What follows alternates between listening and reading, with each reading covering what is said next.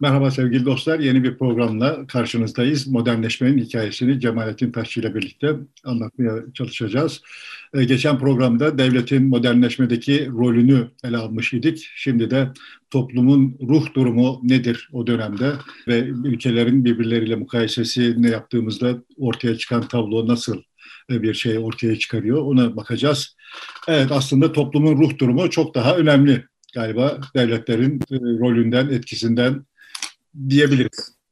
Son dönemde toplumun üzerinde çok daha fazla önemsediğimiz için. Bana kalırsa öyle yani. Sözünü ettiğimiz 19. yüzyılın büyük bir bölümünün üçte ikisi İngiltere'de Kraliçe Victoria'nın hükümranlığı altına geçti demiş idik. Evet. Bu dönem nispi olarak az savaş, çok siyasi olay yani reformlar vesaireler falan falan İngiltere'de ve ama esas bir tür ahlakçılık olarak tarif edilen bir ruh durumuyla temsil edilir. Yani genel olarak Victoria dönemine gönderme yapıldığı zaman işte Victoria Victorian çağ dendiği zaman sözü edilen aslında bir ruh durumudur. Bizim bugün işte böyle hani çok köklü İngiliz geleneği dediğimiz şeylerin neredeyse tamamı o dönemde, o tarihte icat edilmiş ama sahiden de sonrasında dünyanın birçok yerinde norm, gelenek olmuş olan şeyler. Yani söz temsili evin iş yerinden ayrılıp ayrı bir iktisadi ve sosyal ünite ailenin ayrı bir sosyal ve iktisadi ünite olması aslında o dönemde ve İngiltere'de tırnak içinde icat edilmiş bir şey. Yani oraya kadar hane çok daha geniş, sınırları muğlak, içinde iş ve sosyal ilişkilerin bir arada yürüdüğü, fertlerinin bile çok belirgin olmadığı, yani işte kuzenlerin vesairenin falan kardeş yerine de geçtiği, kardeşlerin birbirine girebildiği ama işte hane içinde başka ittifakların kurulabildiği böyle bulanık bir birim iken böyle bildiğimiz anlamda çekirdek aile denebilecek ailenin kendi mahremiyetini de inşa ederek iş alanından ayrılarak bir konutta, bir evde yerleşmesi vesaire falan falan gibi bugün bize başka türlüsü çok imkansız görünüyor olan hayat tarzının inşa edildiği bir dönem yani. Dolayısıyla bu anlamda o dönemin o dönemden söz edilirken o dönemin siyasi hareketlerinden vesaireden daha çok işte bu sosyal etkilerinden söz edilmesi çok anlaşılmaz bir şey değil. Bizde geniş aile daha 50 yıla kadar çok daha hakimdi galiba toplumda. İşte evlatlar anne babayla en azından bir arada kalıyorlar idi. Hatta büyük dede, büyük baba, anneanne falan da bir arada oluyor idi ama bu son dönemde bizde de artık küçük aileye geçildi. Evet. Ya bu tabii iktisadi şartların dayattığı bir şeydi aynı zamanda. Sonuçta o dönemde İngiltere'de de işte bu iktisadi şartların da dayatmasıyla ama aynı zamanda işte protestan ahlakı vesairenin ve işte İngiltere'nin kendi merkezi otorite zayıflığının filan falan bir amalgamı olarak orada zuhur etmiş olan bir şey. ilk defa orada zuhur etmiş ve sonra da norm olmuş. Sonuçta bizde bugün büyük aile dediğimiz aile bile aslında o dönem ailesiyle mukayese edildiğinde yani o dönemin hayat biçimiyle mukayese edildiğinde yine modern bir şey yani. O dönemde dediğim gibi böyle hani kafada canlandırmak da çok kolay olmuyor.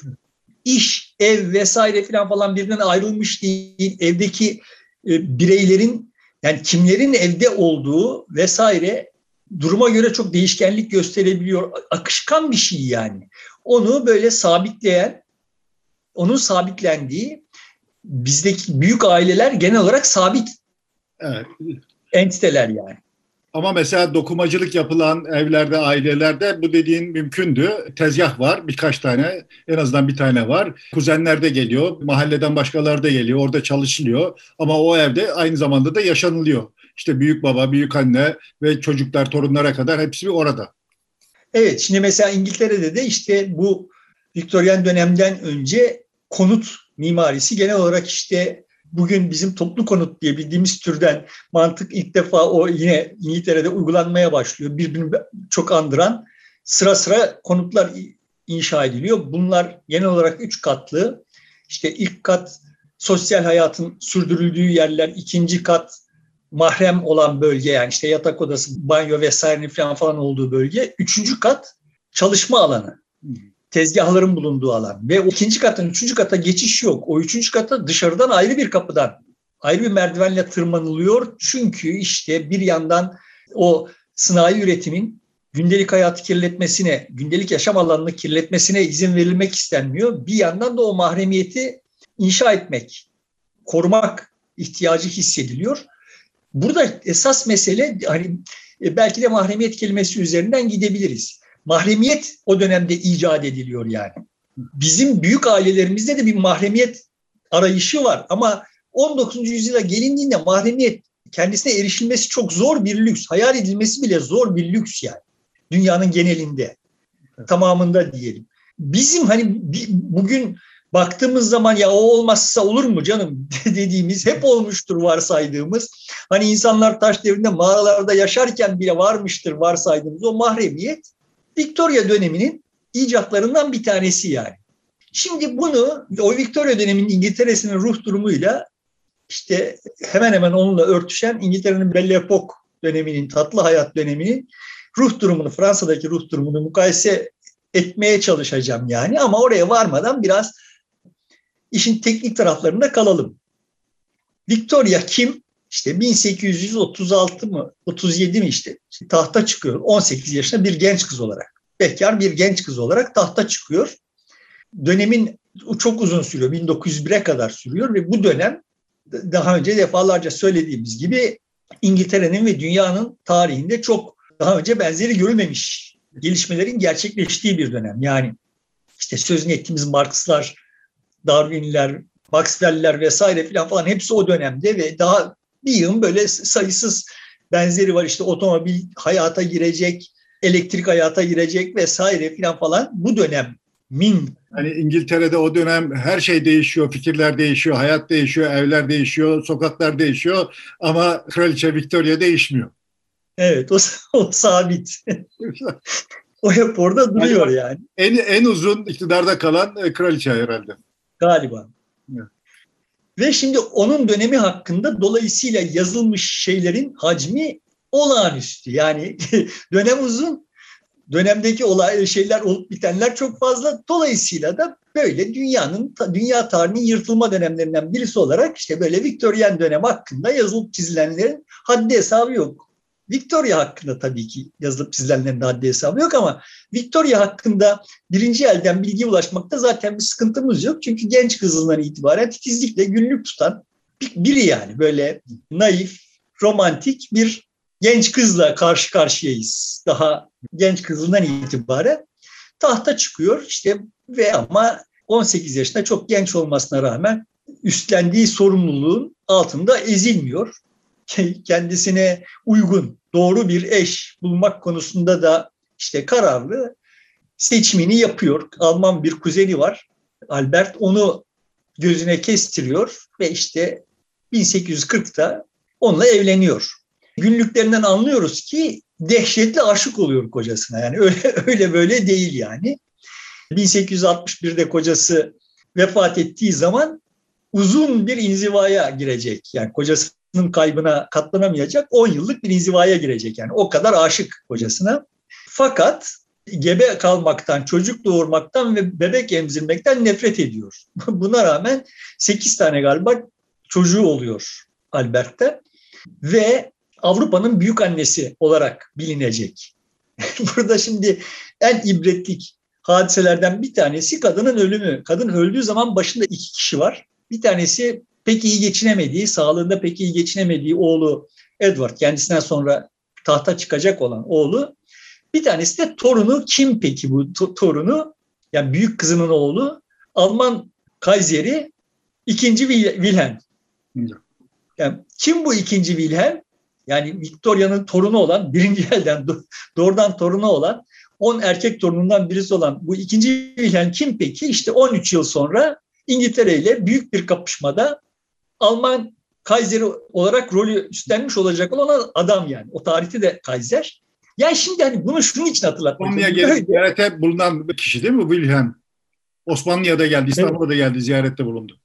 Evet, işte hani bu şey vesilesiyle Hicaz Demiryolu vesilesiyle Hicaz'a filan daha gitti ve işte Osmanlı tebaasına zaten o aslında gizli Müslüman ama işte filan falan geyikleri de satılan adam yani.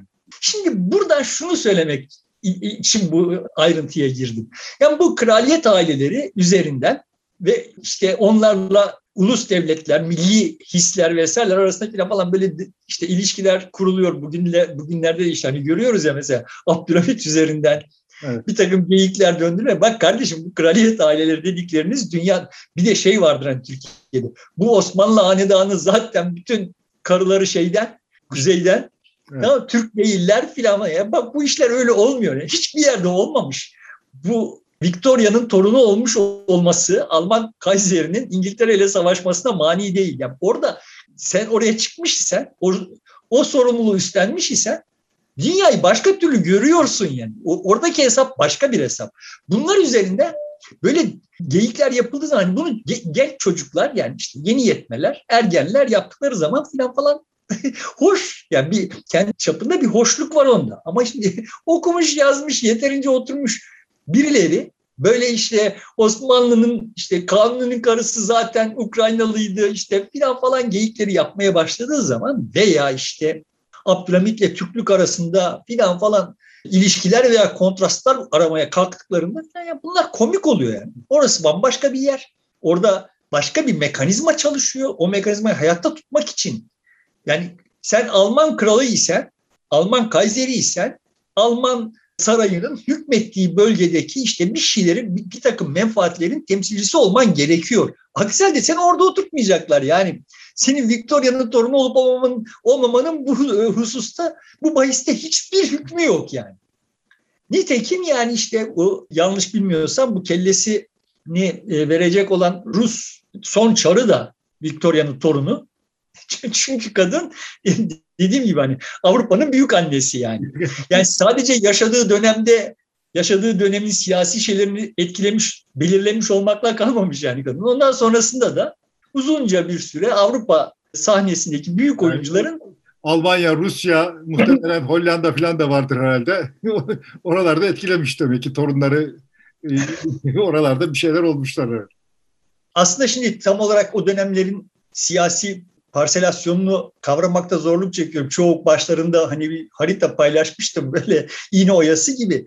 Şimdi aslında tahta çıktığında Victoria o tahta çıkmadan önce Birleşik Krallık Hannover Krallığı yani Birleşik Krallık dediğimiz işte İngiltere, İskoçya, Galler ve işte İrlanda buna bir de Hannover de anladığım kadarıyla yani bugün Almanya'nın kuzeydoğusu bölgesi de büyük bölümüyle dahilmiş ama onların kendi kuralları itibariyle saltanat bir kadına verilemeyeceği için Victoria oranın kraliçesi olamamış yani. De- dediğin gibi hani sonuçta kimin eli kimin cebinde belli değil o hadisede. Zaten de kocası da bir Alman, Alman prensi yani. Almanlık ne kadar Alman onu bilmiyoruz ama bir Alman prensi yani. Kuzeni ve bir Alman prensi. Victoria'nın... Bu, bu laf arasında Almanlar her yerde var yani. Amerika'nın ilk kurulduğu zamanda da oraya çok göç edenlerin arasında Almanya Almanlar var. İngiltere'de var. yani sonuçta barbar olan onlar. Barbarların medeniler üzerindeki hegemonyası kaçınılmaz bir şeydir. Her daim yenilenir yani. Bu iş barbar olan Cermenler yani. Daha doğrusu şöyle hani son barbarlar onlar yoksa hani Angıllar, Saksonlar falan falan da barbar ama işte Franklar da barbar. Ama onlar oturmuşlar, medenileşmişler, üstlerine Cermenler gelmiş yani. Bu, bu oyun kuralı bu. Ben hani kendisinden hiç az etmem. Yine kırık kanat galiba o dönem Milliyet'te mi, Radikal'de mi artık neredeyse ilk yazılarını yazmaya başladığında bir şey yazmıştı. Çok hoşuma gitmişti. Kadını birkaç dönem takip etmiştim yani. Ne menen bir şey olduğunu anlayana kadar. O yazı şöyle bir şey yani işte Fransa'da bir Frankofonya Mine evet. Kırıkkanat. Fransa'da bir parkta oturuyor. Yanındaki bunun Türk olduğunu bilmeden çünkü hani Türk olsa Mine Kırıkkanat'a Türklük yakıştırılabilir mi yani? Sonuçta Türk olduğunu bilmeden barbarlar nerede kaldı diye soruyor yanındaki. Çünkü hani medeniyetin kokuşmuş olduğunu fark etmiş adam ve bu kokuşmuş medeniyetin kendisini yenileyebilmesinin tek, tek yolu tarih boyunca ki tecrübelerden biliyoruz ki işte barbarlar gelecekler, üstümüzden geçecekler ve ha tamam olacak filan yeniden bir medeniyet kurulacak. Medeniyet bir üst seviyede yeniden kurulacak diyelim filan. Bu kriz zamanlarda ülkelerde diktatörlerin öne çıkması ve hakim olması da bundan mı kaynaklanıyor acaba? Yani diktatörlerle çözülmüyor. Barbarlar gelecek. Yıkmaya gelecekler yani. Öyle senin diktatörlerin gelip kurumları yıkmasıyla olmuyor. Toplumsal düzeni yıkacaklar barbarlar. Yeniden kurulacak yani. Şimdi Victoria'nın bu e, Avrupa'nın büyük annesi olarak Avrupa'ya bıraktığı bir başka iz var. Hani onu da parantez içinde söylemiş olayım. Victoria hemofili geni var. Dolayısıyla bütün 10 erkek torununda da bu hemofili geni nedeniyle e, sıkıntılar olacak yani. Şimdi Victoria tahta çıkıyor, işte sonra evleniyor ve işte e, daha ta, evlenmeden yanlış hatırlamıyorsam tarihleri tam olarak bir İngiliz kadar aklımda tutmaya çalışmadığım için e, Hollanda ile Güney Afrika'da bir hakimiyet savaşı, Boerler savaşı oluyor. İşte orada kısmi bir başarı sağlıyor. Güney Afrika'ya bir ayağını sokuyor yani şey İngiltere. Sonra Afganistan'da ilk Orta Asya Savaşı gerçekleşiyor. Orada Ruslarla ilk defa temas ediyorlar. Geçen programda İngilizlerle Rus İmparatorluğu'nun temasının sıcaklığından söz etmiş idik. Sonra ileride ikinci bir Anglo-Afgan Savaşı olacak ve orada ciddi bir bozguna uğrayacak İngiltere. Yani ilk burada bozgun Çanakkale bozgunu değil, İngiliz İmparatorluğu'nun yani. O bozgun da ayrıca bize şunu da gösterecek. Bu Afganistan tekin yer değil yani. Oraya bulaşan bir daha iflah olmuyor yani. Sonra Çin'de Afyon savaşları olacak ve işte bunların da ikincisinde Çin'e kendisini kendi ticaretini dayatmayı başaracak. Hindistan'daki hakimiyeti kendi iktidarının ortalarından sonra bu şirket iflas edecek, başarısız olacak yani Hindistan'daki e, hakimiyette. Bunu devlet üstlenecek, şirketin üstlendiği rolü devlet üstlenecek, reel bir koloni haline gelecek şey ve işte imparatoriçe aynı zamanda Hint imparatoriçesi de olacak Victoria. Bir de Avustralya'ya o, o döneme kadar sadece suçlular deport ediliyor İngiltere'den. Avustralya'da doğru dürüst bir koloni, bir yani normal insanların da göç edebildiği bir koloni haline getirilecek. Ama benim anladığım kadarıyla ya ben tarihçi değilim hani bu bütün bu hadiselerin tarihi kıymetlerini vesaireleri falan falan ölçebilecek kadar da bu işleri bilmiyorum ama beni ilgilendiren tarafı o tarafı değil yani. Ama işaret edilmesi gerekiyor olduğunu düşündüğüm ve bence Victoria döneminin en tayin edici hadiselerinden bir tanesi Amerikan İç Savaşı. Amerika'da iç savaş çıkıyor. İngiltere'de tabii olarak bu iç savaşta Amerikalıların işte Kuzeylileri ve Güneylileri tutanlar var İngiltere'de. Birleşik Devletler'de de Güneyliler İngiliz sanayisinin ana pamuk tedarikçisi olmalarına yaslanarak kraliyetin yani kraliçenin kendilerini tarafında pozisyon alacağını bekliyorlar. Bunu garantiye almak için de pamuk sevkiyatını bloke ediyorlar yani. Ama olay öyle gelişmiyor. İngiltere bu konuda tarafsız kalmayı tercih ediyor. Çünkü neden tarafsız kalmayı tercih ediyor? Burası ibretlik. Çünkü Amerika'daki İngiliz temsilcisi, büyükelçisi şunu idrak ediyor ki eğer bir Anglo-Amerikan savaşı olursa, İngiltere ile Amerika savaşır, savaşmaya kalkarsa İngiltere bu savaşı kaybedecek yani. Yani Birleşik Devletler'in gücü daha çok. Hmm. Dolayısıyla da İngiltere efendice yani böyle hani bu dönemde böyle dayılananlara ders olsun diye söylüyorum. Yani dünyayı hükmeden bütün kıtalara yayılmış bir imparatorluk vesaire falan, falan ama böyle gerçekçi hesaplar yapıyor. Bu gerçekçi hesapları yapmak İngilizlerin en temel özelliği yani. Bu gerçekçi hesapları yapıyor ve hiç karizmayı çizdirmiyor. Tarafsız kalıyor. Yani ne savaşta bir taraf olmak yerine ABD'yi kuran e, ana akım, ana çekirdek haline dönüşmüş oluyor. O ünvan alıyor yani. Hayır zaten İngilizce konuştukları için o Amerika yani Birleşik Devletler zaten bir biçimde hala İngiltere'nin kız kardeşi statüsüne sahip. Zaten ondan bağımsızlığını kazanmıştı. Yani İngiltere'den evet. bağımsızlığını kazanmıştı. Birleşik Krallık'tan. Dolayısıyla hala oranın kız kardeşi statüsüne sahip bir tür düşman kardeşlik var aralarında. Ama yani işte son tahlilde devasa bir imparatorluk her seferinde reel gerçekçi hesaplar yapıyor ve pozisyonunu ona göre belirliyor. Burada bir savaş var. Bunlar arasında tarafsız kalmamız bizim menfaatimize. elimizi her yere böyle elimizi sokmaya kalkmanın alemi yok yani. Ve tarafsız kalıyor. Ne oluyor? Pamuk sevkiyatı duruyor ama Hindistan'dan, Mısır'dan ve hatta Adana'dan. Yani benim bildiğim kadarıyla Adana'da pamuk tarımı Birleşik Devletler'in iç savaşı nedeniyle Birleşik Krallık pamuk sıkıntısı çekiyor olduğu için başlıyor. Yani bunu şunun için işaret ediyorum. Dünya o kadar küreselleşmiş.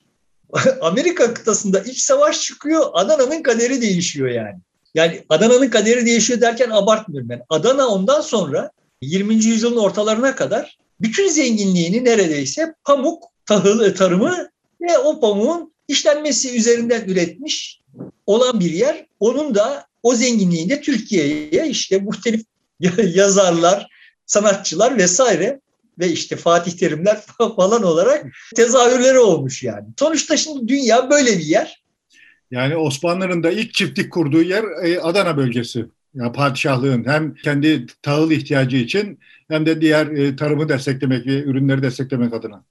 Evet ama sonuçta işte hani o İngiltere'nin ihtiyacı olan pamuğu üretmenin iktisadi faydası çok yüksek yani. Yüksek. O dolayısıyla Adana Türkiye'nin diğer bölgelerinden bölgelerine kıyasla nispi olarak çok etkisiz bir yer iken ani bir kalkınma gösteriyor yani. Victoria'nın demek ki bizim bize değen tarafı bir işte bu pamuk meselesi. İkincisi de geçen program sözünü etmiştik. Yani işte Ruslar Kırım'a inmeye kalktıklarında bunun Osmanlı'nın çözülmesini hızlandıracağını ve Rus İmparatorluğu'nun Doğu Akdeniz'e inmesini sağlayacağını görüp Rusları Kırım'da durduruyor. Fransa ile ortak yani kanlısı olan Fransa ile bir araya gelip Ruslara karşı hani bu da böyle bak işte şöyle onlar zaten bize hep karşıdırlar şunlar hep dostumuzdurlar falan falan geyiklerin ne kadar manasız olduğunu gösteriyor. Yani işte orada Fransa ve İngiltere mütemadi olarak birbirlerini yemişler.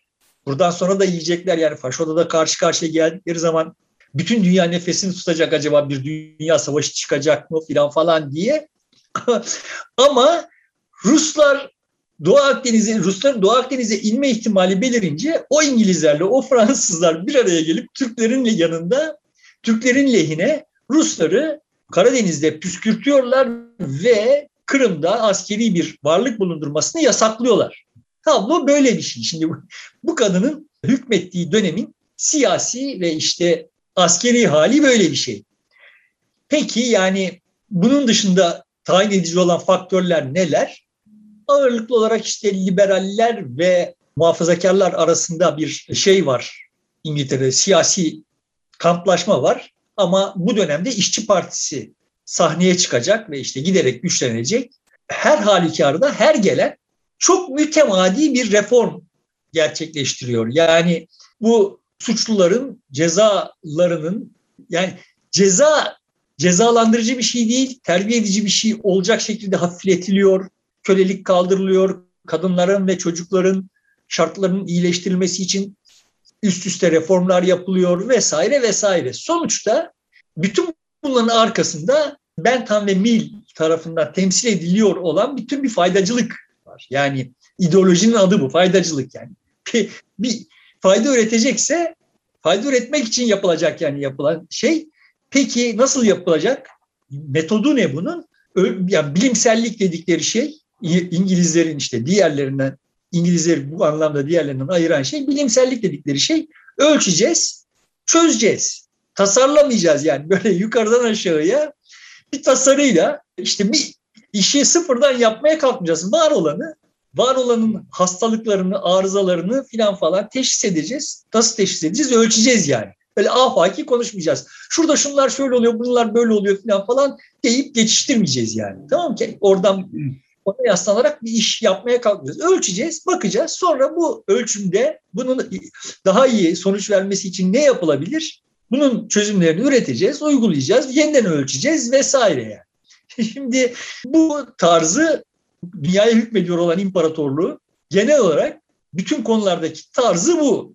Bunun en aşırı giden, bu tarzın en aşırı giden örneklerinden bir tanesi Galton. Darwin'in o da kuzeni mi, yeğeni mi? Sonuçta Darwin'in teorisi yayınlandığında bundan büyüleniyor ve işte bu teoriye yaslanarak ulan acaba bu dünyada benim gibi yani Galton gibi böyle dahiler genetik bir takım özellikler nedeniyle mi kalıtsal yani genetik demeyelim de o dönemde genetik yorumlar kalıtsal bir takım özellikler nedeniyle mi ortaya çıkıyor sorusu aklına düştüğü zaman öyledir demiyor yani. Bak işte orada Darwin dahi Galton ben de dahiyim demek ki dahiler aynı ailelerden geliyor. Bunlar kalıtsal filan demiyor. Başlıyor ölçmeye. Ne, nasıl ölçüyor? İşte kendince dahi gördüklerinin ne kadarı işte hangi ailelere mensup falan falan. Sonra işte bunların ikinci kuşak, üçüncü kuşak yani geniş ailelerine doğru gittikçe dahilerin azaldığını görüyor. Ha bak haklıyım diye düşünüyor ama yine de acaba bu benim subjektif bir gözlemim olabilir mi diye bakıp işte ikizler üzerinde aynı kalıtsal özelliklere sahip olduğunu bildiğimiz ikizler eğer birbirinden ayrılmış iseler erken yaşlarda bunların arasındaki farklar üzerinden bir şey üretilebilir mi diye ilk defa akıl eden adam aynı zamanda ve onların analizini yapıyor. Buradan yola çıkarak kültürün de aslında deha üzerinde, deha demeyeyim de kıymetli insanlar üzerinde etkili olduğunu işte dolayısıyla iyi bir iş yapacak olanı teşvik etmek gerektiğini, bunun için işte bir takım bir takım sosyal politikalar öneriyor. İyi işler yapabileceğini yapabileceği düşünülebilecek olan gençleri devlet tarafından burs vererek, finansal olarak destekleyerek daha iyi bir toplum yaratılabileceğini filan falan söylüyor. Buralardan ama sonra aşırıya gidip öjeniklere varıyor işte böyle hani iyi olanları birbirine e, e, çiftleştirerek iyi bir nesil üretmek ve mesela sonrasında da şeye varıyor. Yani bazı ırklar aş- aşağı ırklardır. Dolayısıyla onlar bu yarışta kaybedeceklerdir. Kaybettikleri kaybetmek ne demek? Yani bir ırk nasıl kaybeder? Yok olacaktır yani. Yani dolayısıyla soykırım meşrudur'a geliyor. Yani tabiatın yaptığı bir şeydir. Biz yapmıyoruz yani. Çinliler aşağı ırk. Biz Çinlilere hükmediyorsak işte filana geliyor bu iş. Dolayısıyla bu ama hani Galton'da biz şimdi bütün bu hikayenin bütününü görebiliyoruz. Yani bir yandan çok dürüst bir metot arayan Galton bütün bu hadisenin içinde sadece Öjen'in mucidi değil yani. İstatistiğin mucidi. Yani devletler Galton'dan aldıkları, Galton ürettiği tekniklerle birlikte sosyal istatistikleri tutmaya, evlenme istatistiklerini analiz etmeye, işte doğum istatistiklerini analiz etmeye, sağlık istatistikleri üretmeye falan başlıyorlar yani. Dolayısıyla bu da bize şunu söylemek için uygun bir misal oluyor. Yani böyle bakıp da bir adama ürünlerin bir tanesine bakıp da aa bak bu adam çok kıymetli falan falan demek de bu adam adi bir adam demek de aynı derecede zırva yani. Adamın yaptıklarından hem o çıkıyor hem bu çıkıyor yani. Ama İngiliz farkını görüyoruz. Yani İngilizler ölçmeden, biçmeden, böyle iğneyle kuyu kazmadan böyle afaki laflar üzerinden. Önce data topluyor yani. Evet data topluyor, işliyor, analiz ediyor. Acaba bunu yanlış analiz etmiş olabilir miyim? Bir de bu açıdan bakmam gerekiyor mu vesaire falan falan diyor. Ve işte böyle bakacak olursak hiç sevmem bu ayrımı ama kalan herkes Platoncu İngilizler Aristotelesçi yani. Geçen de YouTube önüme getirip duruyor. İzlemedim hiç katlanamadığım için ikisine de İlber Ortaylı ile Celal Şengör'ün bir videosunu getiriyor. Başlığını görüyorum yani. Diyor ki mealen söylüyorum. Her Türk'te kazırsan altından bir Platoncu çıkar ama hiçbir Türk'ten Aristoteles çıkmaz diyor. Onu bilmiyorum yani sonuçta sahiden arada, aramızda Aristotelesçi birileri de var mıdır?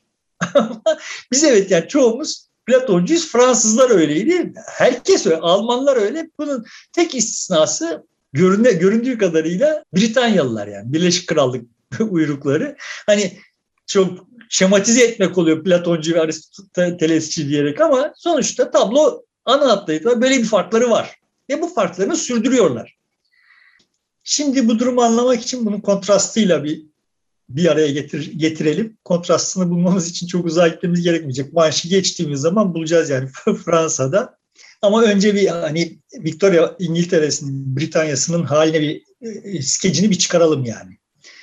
Olağanüstü bir orta sınıflaşma var siyasi ve iktisadi sisteme erişim dünyanın kalanına kıyasla çok daha kolay olduğu için, daha geniş kesimler katılabiliyor olduğu için ve bu katılım mütemadiyen yeni reformlarla garanti altına alınıp geliştirildiği için bütün bu dönem boyunca orada ciddi bir orta sınıflaşma ortaya çıkıyor. Orta sınıflaşma ne demek? İşte bir taraftan burjuva sınıfı palazlanıyor yani. o Orası orta sınıf yani. orta sınıflaşma oradan başlıyor. Çünkü işte aristokrasi ve şeyin arasında, köylülerin arasında bir burjuvazi sınıfı belirliyor. beliriyor. Burjuvazi sınıfının özelliği ne? Para kazanıyor. Şimdi para kazanmayı bir marifet olarak tarif ediyor burjuvazi. Hani nasıl ki iyi bir marangozun yaptığı ürün nedeniyle, yaptığı şey nedeniyle ona saygı gösteriyor isek para kazanmak da iyi bir müteşebbisin yapacağı şey. Herkesin hakkından gelebileceği bir şey değil yani. Ama işte bu nedenle de bu bir saygınlık gerektiriyor yani. Hani saygı duymanız gerekiyor. Biz kazanıyor isek bize saygı duymanız gerekiyor.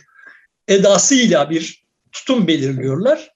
Ama bu saygınlığı beslemek için de işte saygıdeğer bir aile düzeni, yardımseverlik, sözüne güvenilirlik. Çünkü hani sözüne güvenilmezsen evet, evet orada tutunamıyorsun zaten. Yani işte buradan bir demek ki müteşebbis olmanın, başarılı müteşebbis olmanın gerektirdiği vasıflar olarak bunları tarif edip bunları mütemadiyen dile getirip işliyorlar. Yani bu bir kült halini alıyor. Bu süreçte de saygıdeğer bir aile işte bizim sonradan norm olacak olan o aile kavramı çerçevesinde cinselliği bir biçimde protestan ahlakının, Hristiyan ahlakının da şeyiyle cinselliği kötücül bir şey, örtülmesi gereken bir şey olarak görüyorlar ve sevgisiz evliliği yani evlilik ile sevgi arasında bir bağlantı olmamasını kutsuyorlar. Evlilik bir tür nasıl yaptıkları iş bir imalat işi ise evlilikte çocuk imalatı. O da bir atölye, bir fabrika yani. O faydacılık dediğimiz şeyin uzantıları buralara kadar gidiyor yani. Artık dünya sürekli olarak üretim yapılacak bir yer ve çocuk da o yapılan üretimlerden bir üretim evlilikte onun için var. Yoksa yani hani öyle ekstra bir takım ihtiyaçlar vesaire falan falan için değil. Aile iktisadi bir ünite yani. İş buralara varıyor şeyde e, Britanya'da. Buna karşılık şimdi şeyin öteki tarafında Fransa'nın öteki tarafında işte bu Victoria döneminin ikinci yarısına falan denk gelecek dönemde bir Belle Epoque var. Yani güzel çağ. Hani aslında daha biraz Türkçe uydurmaya istersek neyin ima edildiğini düşünecek olursak tatlı hayat. Tatlı hayat ne yani? İşte sonuçta orta sınıf diye bir şey yok. Paris'in yüzde doksanı kan kusuyor. Fakat işte yüzde onu Folie Berger'lerde, Moulin Rouge'larda yani Fransa'nın Birleşik Krallık'ın işte dünyaya hediye ettiği o dönemde efendim işte böyle Darwin'ler, Galton'lar, şunlar bunlar ve işte muhtelif bilimsel, iktisadi işler iken Fransızların dünyaya hediye ettikleri şeyler, yeni icat şeyler işte Folie Berger'ler, Moulin Rouge'lar, işte lüks orospular filan falan yani kavram olarak daha önce var olmayan ve Fransız icadı olan, Paris icadı olan şeyler bunlar yani ağırlıklı olarak. Bununla kalmıyor işte. Mesela çiçek. Bugün hani bizim de yadırgamadığımız çiçek kültürü yani çiçek yetiştirmek, insanlara çiçek hediye etmek vesaire filan falan gibi kavramları o dönemde işte yine Paris'te icat ediyoruz. Yemek kültürü dışarıda yemek yani böyle hani gidip akşamları bir, yerde işte dostlarımızla birlikte yani bu elbette her yerde her zaman var ama sonuçta bu birinin köşkünde birinin villasında filan falan gerçekleşen bir şey yani. Böyle çıkıp hep birlikte lüks bir yemekte boy göstermek sosyetenin böyle lüks restoranlar üretmesi o tarihte gerçekleşiyor ve hala devam ediyor. Biliyorsun yani sonuçta şimdi eşinle işte bir evlilik yıl dönümünü kutlamak için paran olsa ve onu bir yere götürüp işte böyle bir akşam yemeğinde ağırlamak istesen Londra'ya götürmeyeceksin değil mi yani? Paris'e götüreceksin. Sonuçta o dönemde de ilk restoranlar Paris'te çıkıyor. Londra'da değil değil mi? Onca Londra'nın zengin olmasına rağmen. Evet. Ay işte sonuçta tablo şu. Toplam Londra'nın zenginliği Paris'in toplam zenginliğine fark atıyor ama Paris'in zenginliği yüzde onun elinde toplanmış. Londra'nın zenginliği yayılmış olduğu için Paris'in en zenginleri, Londra'nın en zenginleri bilmem kaç kere dövüyorlar.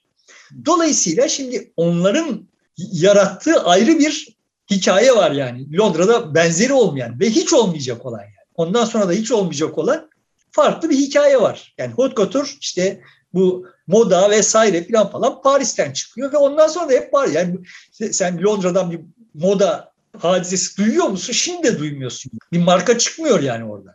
Ama işte Fransa'dan bu hala çıkıyor. devasa gösterişli böyle kamu binaları. Mesela işte Birleşik Krallık'ta devasa gösterişli parklar var. Ama Fransa'ya gelince devasa gösterişli kamu binaları halini alıyor. Yani opera binaları ya parlamento binaları vesaireleri falan falan. Londra'nınkine bilmem kaç basıyor yani her seferinde. Mesela işte 1889'da işte dünya fuarı olacak. O dünya fuarı için geçici bir şey olarak onun kapısı olmak üzere bir şey yapmaya karar verdiklerinde Eyfel'i yapıyor adamlar. Yani şimdi Eyfel'e benzer herhangi bir şey Londra'da yok. Ve bunu geçici olmak üzere yapıyorlar. Hani bir de yani böyle sonra kalıyor. Yani kalıyor ve işte kimi Fransızlara göre Fransa'nın en çirkin şeyi olarak kalıyor. Ama yani sonuçta böyle gösterişçi ve işte parıltılı bir hayat var Paris'te. Ama en sembolik olanı şu yani sonuçta Londra'da hiç olmamış olan o güne kadar dünyanın başka yerinde olmamış ve hani benim bildiğim kadarıyla olmamış ve olması hayal bile edilemeyecek olan şeyi yapıyorlar yani. Paris'in böyle bir yıl problemi birikmiş. Londra'da bunlar nasıl işte demin sözünü ettiğim türden böyle ufak ufak şurada bir bina yıkılıp şurada bir bağlantı kurulup filan falan ya da şurada bir köprü yapılıp çözülürken Fransa'da olaya nasıl bir çözüm geliştiriliyor? Hausmann diye bir adam, bir mimar geliyor. Paris'in olması gereken halini kağıdın üzerinde çiziyor ve sonra Paris'i yıkıp olması gerekene göre yeniden yapıyorlar. Yani böyle bir renovasyon yapıyor. Şehri renove ediyorlar yani. İşte bu Fransız tarzı. Tek tarafta işte İngiliz tarzı ikisi birbirinin yani dediğim gibi aralarında sadece bir kıstak var. Küçük bir dar boğaz var ama aralarında böyle bir farklılaşma ortaya çıkıyor. Bunları şimdi böyle eğlenerek anlatıyorum ama yani eğlenmek için anlatmıyorum. Asıl anla sebebim şu. Bunlar birbirini tamamlıyorlar yani. Bunların bir tanesi olmasa muhtemelen ötekisi de olamayacak.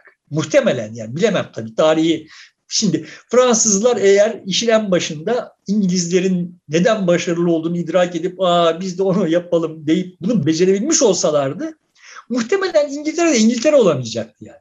Ama bu ikisinin arasındaki gerilim, bu farklılık ikisini sürekli olarak daha da farklılaşmaya itiyor. Buradan şunu da hatırlatayım böyle tekrar yani bunlar bir araya geldiler ve sonra işte bizim defterimizi dürdüler falan. Bunlar birbirleri hakkında anlattıkları fıkralar yani İngilizlerin Fransızlar, Fransızlar İngilizler hakkında anlattığı fıkraların benzerleri herhangi iki kabile arasında yoktur yani. O kadar karşılıklı birbirlerini aşağılarlar ki akla ziyan yani. Şimdi, aklımda yok ama yani böyle bir e, kitap haline getirilmişti bir tarihte. Türkçeleştirilmişti yani diye yayınlanmıştı.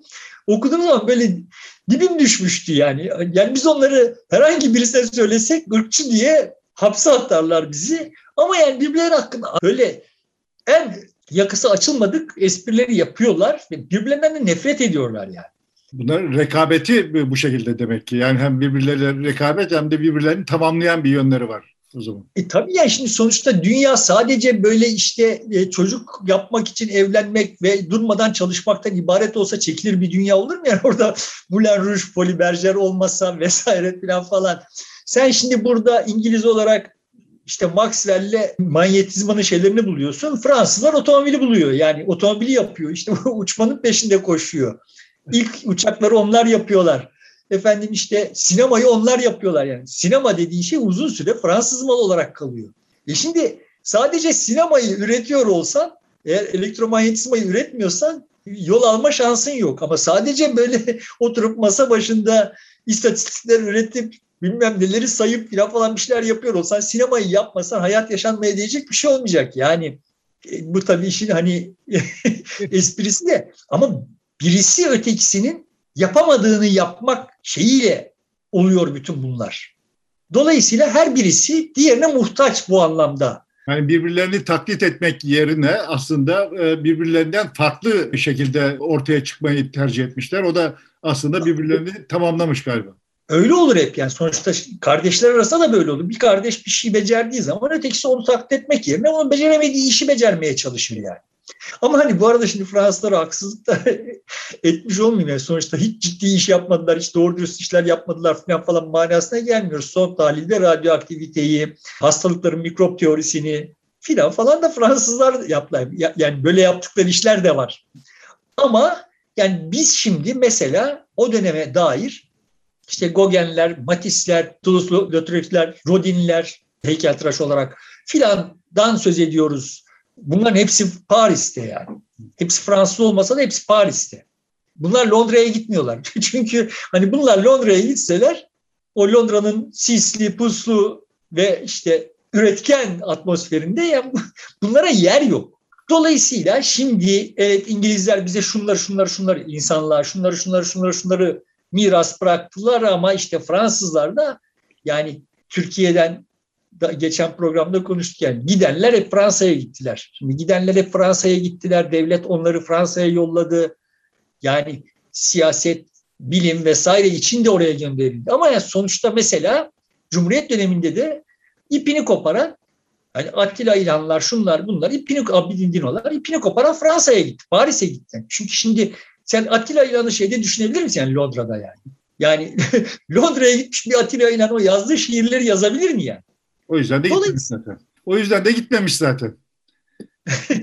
Dolayısıyla yani ikisi farklı farklı şeylerin fideliği ve bunlar birbirini tamamlayıp ortaya. Sonra bunlara Almanlar katılacak. Almanlar ikisinin bir tür yani o Almancanın adası nedeniyle başka şeyleri de ekleyerek filan böyle sonradan katılacak. O, o tarihlerde artık katılmışlar işte. Götelerle, şunlarla, bunlarla yani ve ne yazık ki Hegel'ler ve Kant'larla. Ama son tahlilde işte sonuçta Fransızların geliştirdiği otomobili onlar herkesten iyi üretecekler, kimya endüstrisini geliştirecekler vesaire falan falan. Yani sonuçta bu üçünün tabii ki Kuzey İtalya ve işte Hollanda'nın tarihsel olarak dönem dönem üstlendikleri roller var. Oradan böyle bir şey zuhur etmiş. İşte buna modernlik diyoruz biz yani.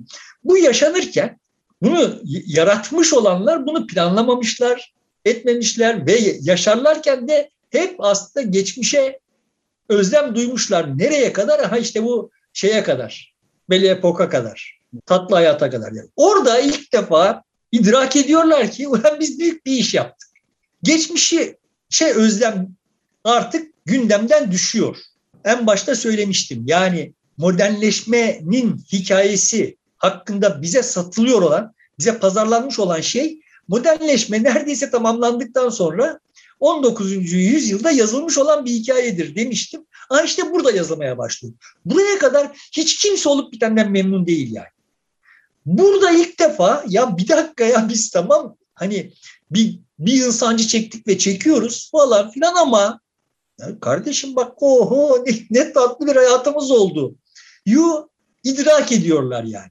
Bu da şu manaya gelmiyor yani tekrar vurgulayayım planlanmış olma, olmadığı aşikar da şu manaya da gelmiyor. Hiç pürüzsüz, hiç böyle sızıntısız falan. Ah ne kadar güzel evet bak işte insana insan insana kıymet verdik, insana insan yerine koyduk, şunu yaptık, bunu yaptık da ha tamam artık filan değil. Sonuçta yani işte o yüzyılın sonunda ve Leopold'un ortasında Dreyfus davası patlayacak Fransa'da.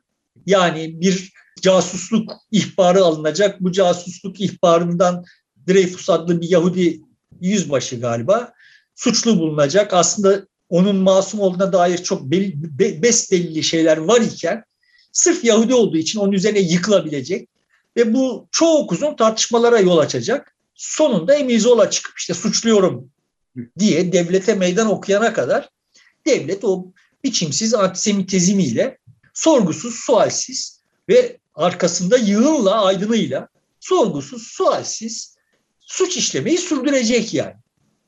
Bu tür işler de olacak. Oluyor yani. Bunlar mütemadiyen oluyor.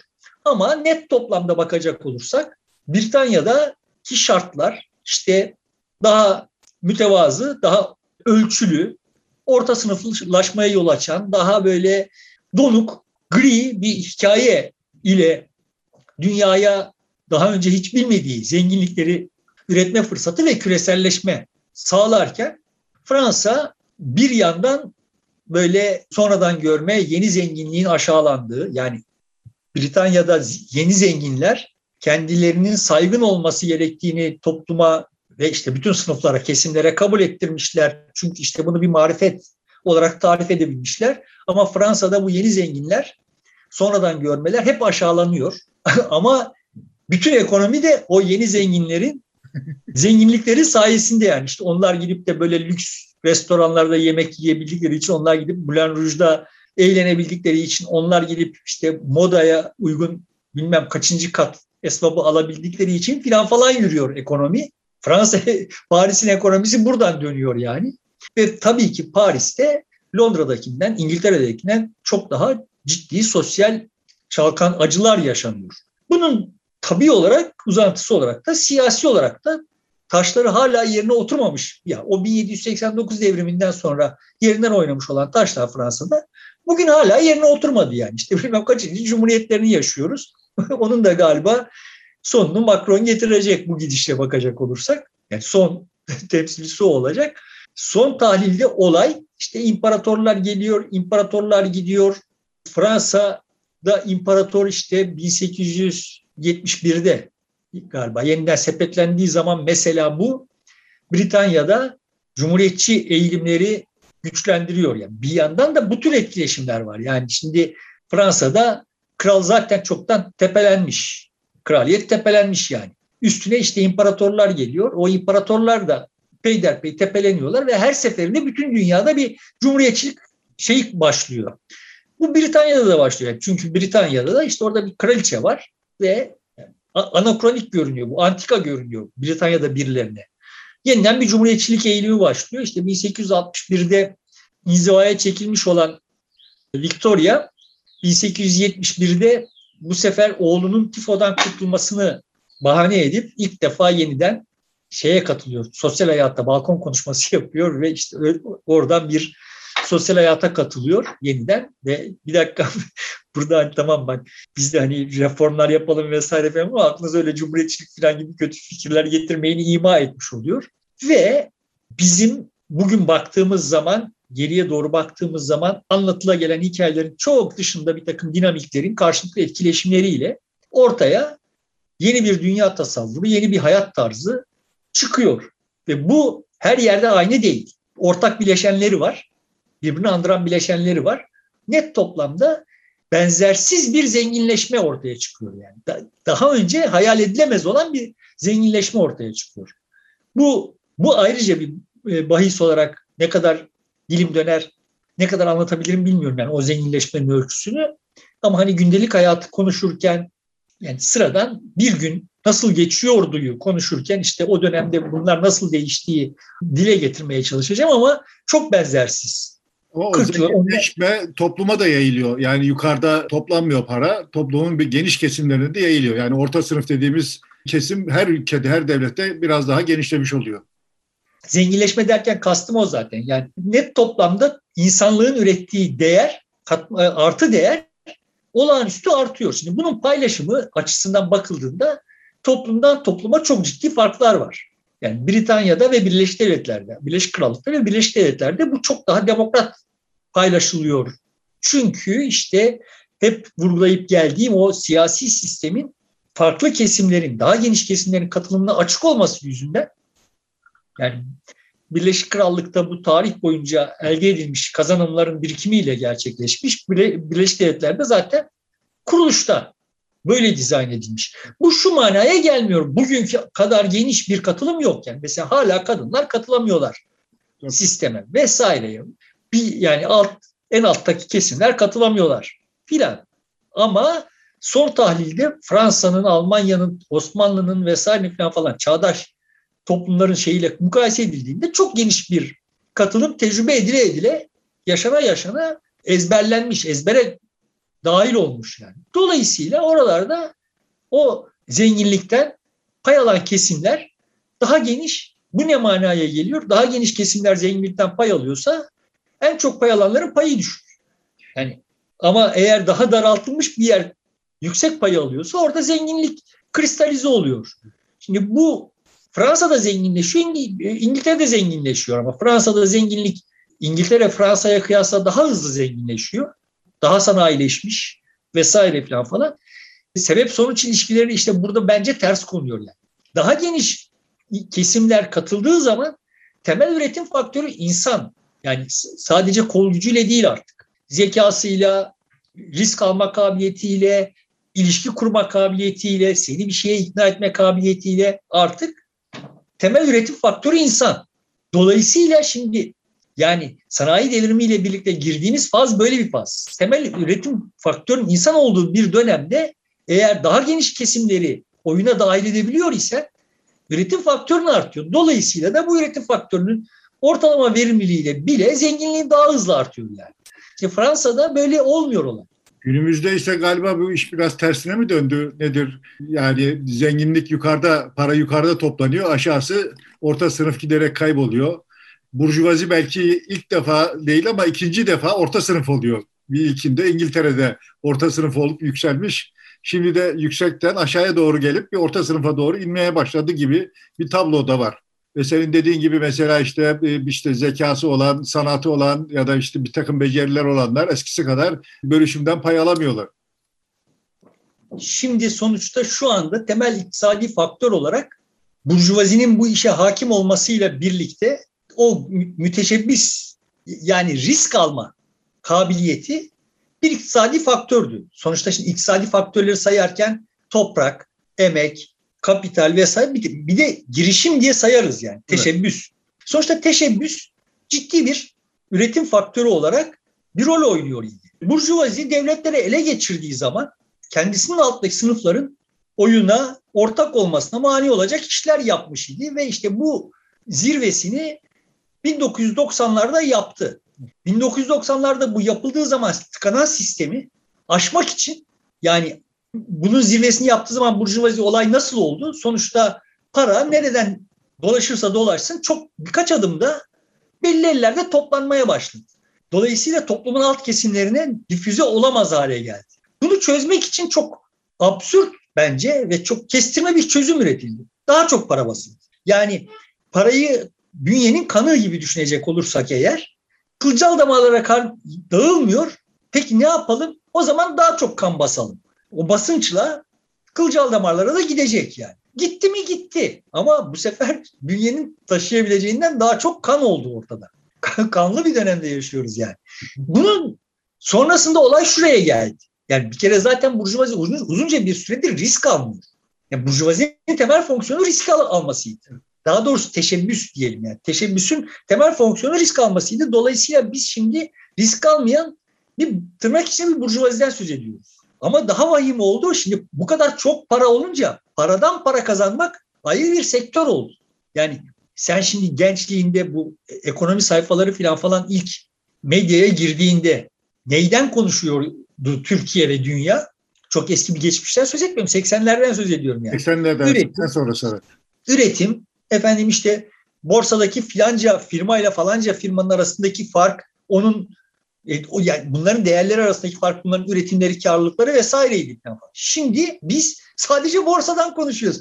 Borsadaki firmaların herhangi bir hükmü yok. Borsanın kendisi bir şey. Yani para borsadan kazanılıyor yani.